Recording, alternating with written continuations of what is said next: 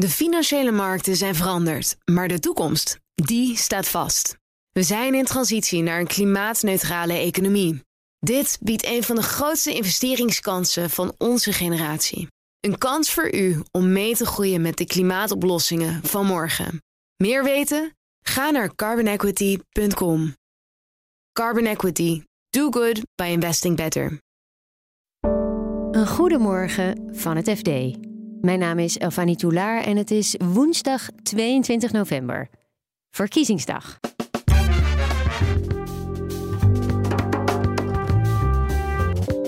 De stembussen zijn geopend en het wordt een hele spannende strijd. Stel nou dat we die uitkomst krijgen zoals de peilingen er de afgelopen tijd uitzagen. Nou, dan, dan gaan we denk ik de kleinste, grootste partij ooit krijgen met, met 25 zetels of zo. En zoutwinningsbedrijf Nobian maakt als eerste grote industriële uitstoter concrete afspraken voor vergroening. De verduurzamingsplannen oogsten lof en kritiek. Er zijn ook partijen die zeggen: ja, moeten we alle industrie wel in Nederland houden? En moeten we daar niet ook een, een soort duidelijke visie op hebben? Dit is de dagkoers van het FD. We beginnen met de Tweede Kamerverkiezingen. Het feest van de democratie, zoals dat dan wordt genoemd.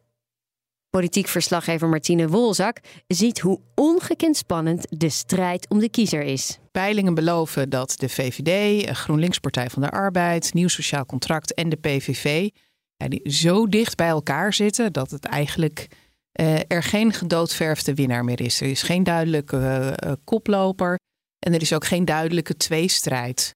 Uh, we hebben natuurlijk eerdere verkiezingen gezien dat er dan twee partijen vochten om wie de grootste zouden worden. En nu bij deze vier kan je eigenlijk gewoon niet vooraf zeggen wie de, wie de winnaar wordt. Nee, de zwevende kiezer is, trekt aan de touwtjes hier. Dat maakt het nog extra lastig te voorspellen. Dat nou, meer dan ooit veel mensen pas uh, vandaag in het stemhokje nog op het laatste moment gaan beslissen wat ze doen.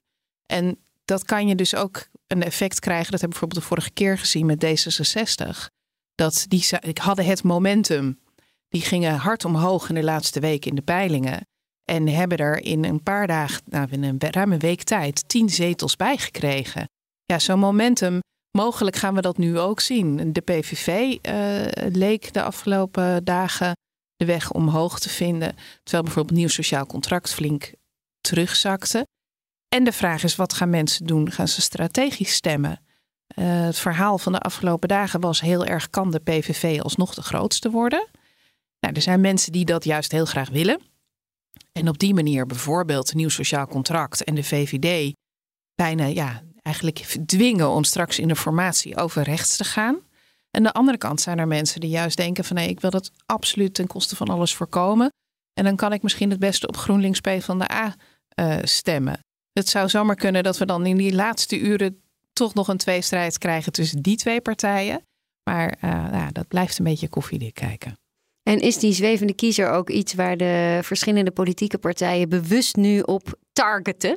Nou, je, je, ziet absoluut dat bijvoorbeeld Frans Timmermans uh, wel de, de, nou ja, de, de PVV-kaart speelt. Van uh, voorkom dit en stem op mij. En dat juist andere wat meer progressieve partijen zoals D66 en Volt zeggen nee, stem niet strategisch. Stem gewoon op de partij die je het beste vindt. Want ja, die zien natuurlijk uh, de bui hangen. En zijn bang dat hun kiezers misschien toch alsnog naar GroenLinks P van de aanlopen. Ja, die strategische keuzes spelen dus in veel uh, kiezers hun hoofden een rol. Maar als we nou even terugkijken op de verkiezingscampagne, vooral de afgelopen weken, hoe zou je die dan um, omschrijven? Ja, daar hebben we het op de Haagse redactie best wel vaak over. Van wat is nou, wat, wat voor een campagne is dit nou eigenlijk? Uh, en heel lang was het antwoord toch wel een beetje: dit is de campagne van Pieter Omtzigt. Uh, dat begon natuurlijk eigenlijk al direct na de val van het kabinet met de speculatie van doet hij mee of niet. Nou, toen kregen we pas in augustus uh, na meerdere keren uitstel, want hij moest toch nog even langer daarover nadenken. Het antwoord ja, hij gaat meedoen met zijn eigen partij, nieuw sociaal contract. Uh, en toen was de vraag, ja, maar wat voor een partij is dat dan eigenlijk? Wat is een verkiezingsprogramma? Gingen we daar weer op wachten? Nou ja, de afgelopen weken ging het weer over, wordt hij premier of niet? En je merkte ook lijsttrekkersinterviews bijvoorbeeld van andere partijen. Nou, die leken soms een recensie van de campagne van Pieter Omtzigt. Er werd dan aan Timmermans gevraagd: wat vindt u ervan dat uh, Omtzigt geen duidelijkheid geeft? Uh, Laurens Dassen, een heel verhaal over hoe Pieter Omtzigt zich opstelt. Waardoor het eigenlijk uh, niet de campagne van de inhoud werd, waar iedereen nou ja zei: dit moest de campagne worden waar het ging over de echte grote thema's in Nederland. Ja, is het daar nou over gegaan? Ik. heel beperkt, denk ik toch. En waarom is dat, denk je? Nou, ik denk dat het dus te maken heeft met dat het eigenlijk ook wel heel veel over het proces is gegaan in de campagne. Uh, dus hè, omzicht doet hij het wel en wat doet of niet en wat doet hij dan? Ik denk ook dat het heel beslissend is geweest dat Jessicus vrij vroeg al gezegd heeft dat zij als partijleider van de VVD de kiezer van de PVV niet meer wilde uitsluiten.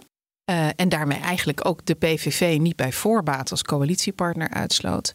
Ja, want de PVV heeft een hele opmerkelijke uh, opklim gemaakt, hè, deze. Ja, die is eigenlijk kwam die heel lang niet, eh, bewoog dat zetel, gepeilde zetelaantal van de PVV niet heel erg. En toen begon het gestaag een beetje op te klimmen.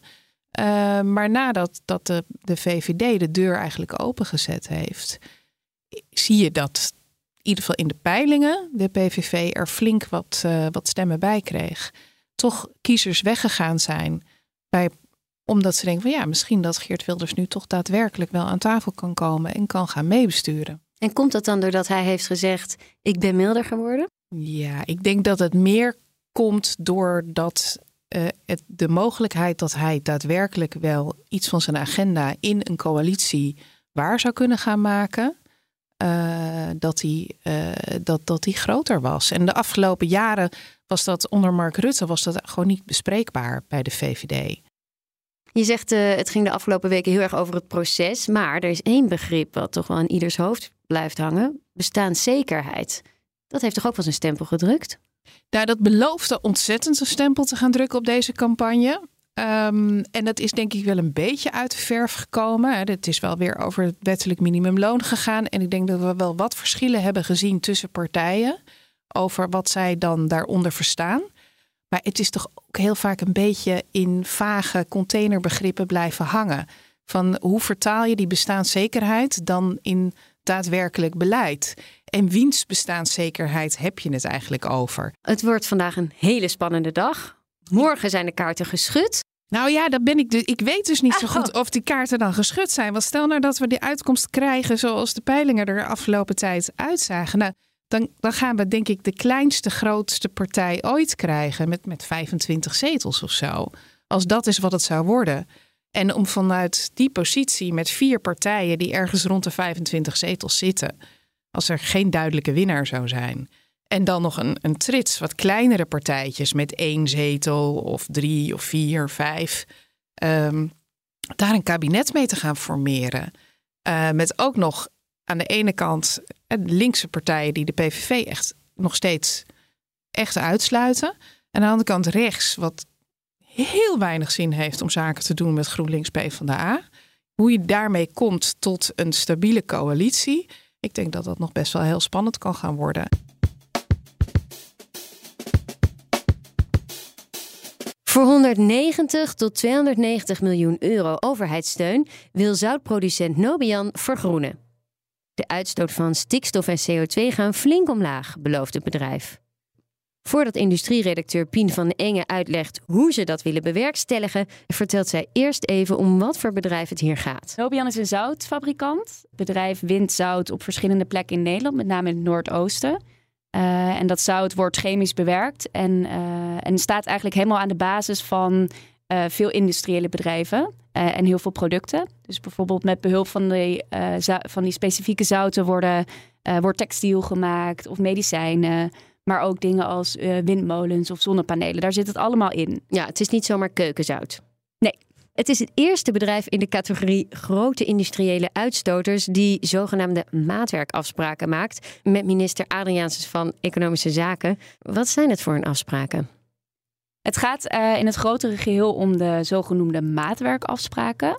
En daarmee um, bedoelen, bedoelen wij afspraken die gemaakt worden tussen uh, ministerie van Economische Zaken en de grote uitstoters.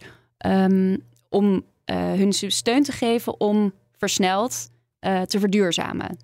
En om tot die uiteindelijke afspraken te komen, zijn er verschillende tussenstappen. Dus je hebt in eerste instantie een soort intentieverklaring die, die ondertekend wordt. Dan is er nu een inspanningsovereenkomst die ondertekend wordt. En dan uiteindelijk de derde stap zijn daadwerkelijk bindende afspraken. Oké, nou klinkt nog een heel klein beetje vaag, maar wat belooft Nobian dan nu? Zij uh, hebben nu een plan opgesteld waarin zij aangeven dat ze met behulp van de, de overheidssteun, dat zou om een bedrag gaan van tussen de 190 en 290 miljoen, dat ze daarmee op drie verschillende locaties een verduurzamingsslag kunnen maken. Dat is op twee zoutwinningslocaties. Daarbij wordt het hele proces geëlektrificeerd. Uh, en één locatie in Rotterdam waar ze een energiebesparing van um, ehm, 15% gaan doorvoeren. ze zeggen daarmee dat, dat het bedrijf tien jaar sneller kan verduurzamen en kan voldoen aan haar doelen dan zonder die steun vanuit de overheid. Oké, duidelijk. Minder uitstoot dus. Maar wat betekent dit? Is de politieke strategie om grootverbruikers van energie te vergroenen succesvol? Kun je dat zeggen nu? Het is nog wat te vroeg om te spreken van een succes, omdat we nog in dat hele traject zitten van de daadwerkelijke afspraken. Uh, eer dat uh, dit soort installaties omgebouwd zijn, zijn we ook wel weer een paar jaar verder. Maar je kan natuurlijk op het moment dat een bedrijf als Nobian de uitstoot zo reduceert, is dat natuurlijk wel een succes. En zeker ook omdat het een partij is die helemaal aan het begin zit van de keten. Dus dat werkt natuurlijk ook weer helemaal door in alle andere bedrijven die gebruik maken van die zouten en die producten. Tegelijkertijd is er wel heel veel kritiek uh, op deze maatwerkafspraken. Ten eerste omdat het proces heel veel tijd in beslag neemt. Volgens mij op dit moment is het doel om met alle uh, grote uitstoters uh, eind 2025 die afspraken te hebben. Mm En dan moet er natuurlijk nog van alles gebeuren.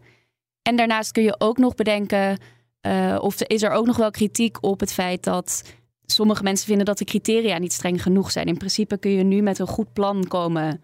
Dat wordt uiteraard getoetst en alles.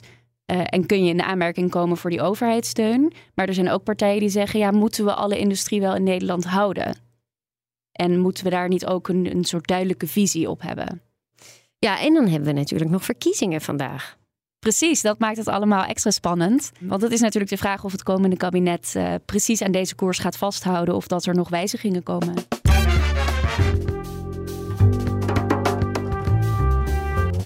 Dit was de dagkoers van het FD. Volg de verkiezingen en al het nieuws daaromheen via fd.nl. Daar kun je ook terecht voor al het andere financieel-economische nieuws.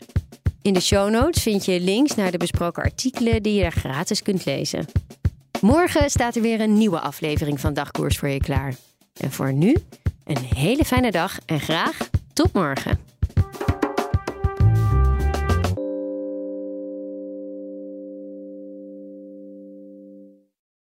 De financiële markten zijn veranderd, maar de toekomst, die staat vast.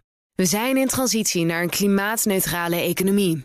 Dit biedt een van de grootste investeringskansen van onze generatie.